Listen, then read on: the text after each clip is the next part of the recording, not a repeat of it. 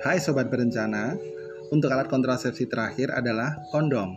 Kondom merupakan salah satu alat kontrasepsi yang terbuat dari bahan sejenis karet atau latek yang dipakaikan pada alat kelamin pria sebagai pelindung saat berhubungan seksual. Meski kondom bukan lagi hal yang asing terdengar, namun kenyataannya masih banyak orang yang belum paham tentang pentingnya menggunakan kondom yang benar. Secara mendasar, kondom tidak memiliki efek samping, hanya iritasi karena bahan dan pelicin. Satu hal yang perlu diperhatikan, ada beberapa orang yang kurang nyaman menggunakan kondom sehingga mengalami penurunan gairah seksual.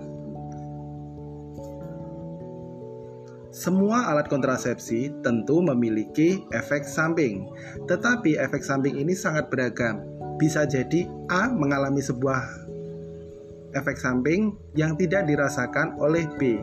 Jadi, pilihlah kontrasepsi yang sesuai dengan kebutuhan Anda. Terima kasih.